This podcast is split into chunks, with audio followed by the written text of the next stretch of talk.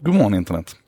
En sak idag ska, ska handla om drönare igen. Um, och den här gången så är det på grund av att Amazon har släppt en ny drönare, eller rättare sagt man har presenterat en ny drönare som man kommer använda för sina last mile deliveries. Jag ska snart berätta mer om den och vad det är som jag tycker är så speciellt med det som händer där nu. Eh, men först bara lite grann om det här eventet. Det heter alltså Re-Mars och det är en, en öppen variant av Jeff Bezos eh, privata lilla lekstuga som han har haft i ett antal år. En konferens som heter Mars. Det står alltså för Machine Learning, Automation, Robotics och Space. det är så jätteskönt.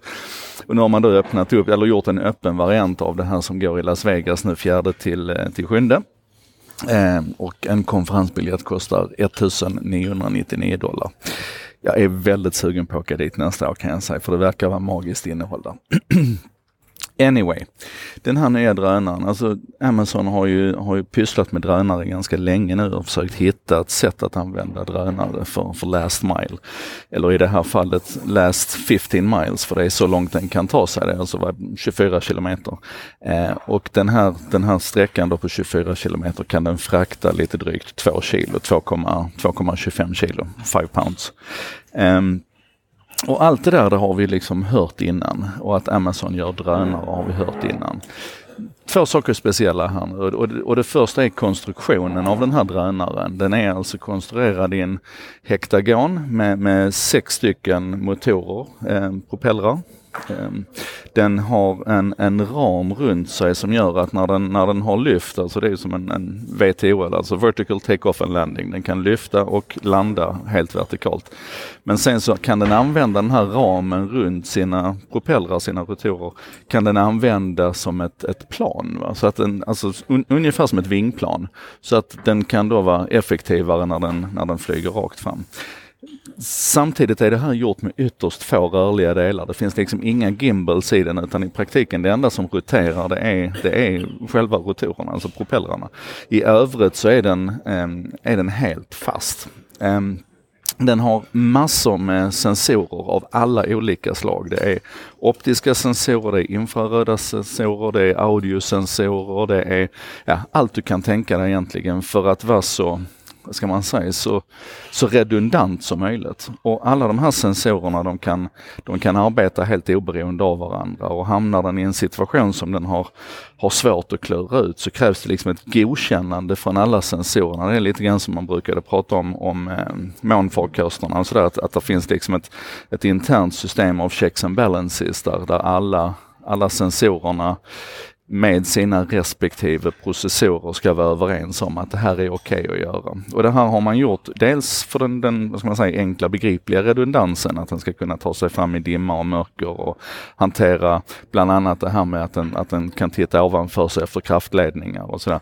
Ehm, men också för att den ska vara helt autonom. Så att om den tappar kontakten med, med omvärlden, om den tappar liksom internetanslutningen, så ska den fortfarande kunna fatta egna beslut och, och, och vara en säker farkost där ute.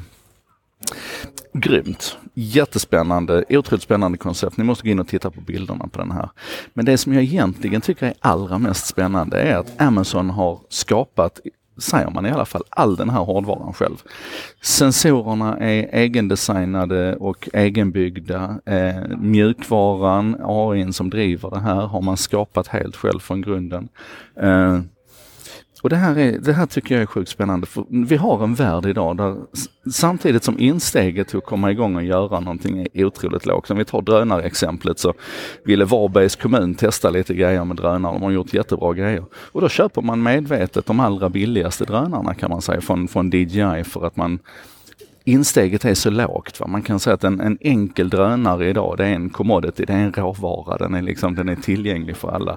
Och det gör att du, att, i och med att insteget är lågt så får du en kraft underifrån som kan testa och utveckla och driva, eh, driva det här framåt. Men sen i andra änden så har du det som Amazon gör nu eller det som Apple har gjort med sina egna processorer i, i telefonerna eller som, som eh, eh, Facebook och, och, Google har gjort när man utvecklar helt egen serverarkitektur och sådär. Det är att när du, när du har så mycket pengar som de här företagen har och du kommer till den nivån att du, att du liksom har resurserna att göra egna investeringar i det som andra betraktar som råvara. Alltså där andra köper commodities och köper den vanliga Intel-processorn så kan Apple då liksom eh, använda det som en konkurrensfördel.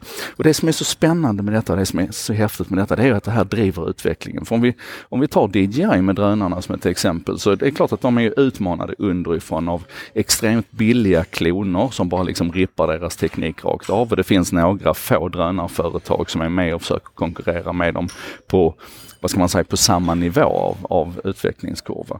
Men sen från andra hållet så kommer ju då ett tryck också ifrån en, en aktör som Amazon som nu helt plötsligt ger sig in här och bygga drönare.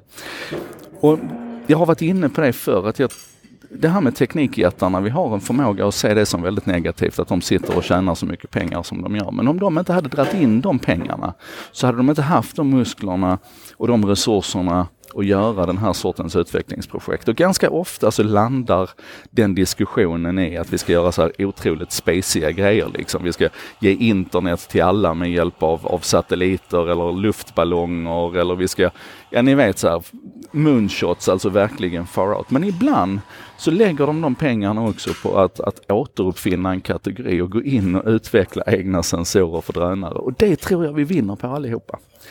Anyway, det här var en sak idag med mig och Joakim Jardenberg. Gå in och kolla på den här coola drönaren som Amazon har lanserat nu. Och så ses vi imorgon bitti igen för en ny En sak idag.